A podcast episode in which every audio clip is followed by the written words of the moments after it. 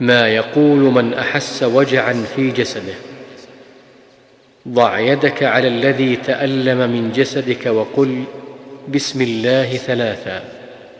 وقل سبع مرات أعوذ بالله وقدرته من شر ما أجد وأحاذر.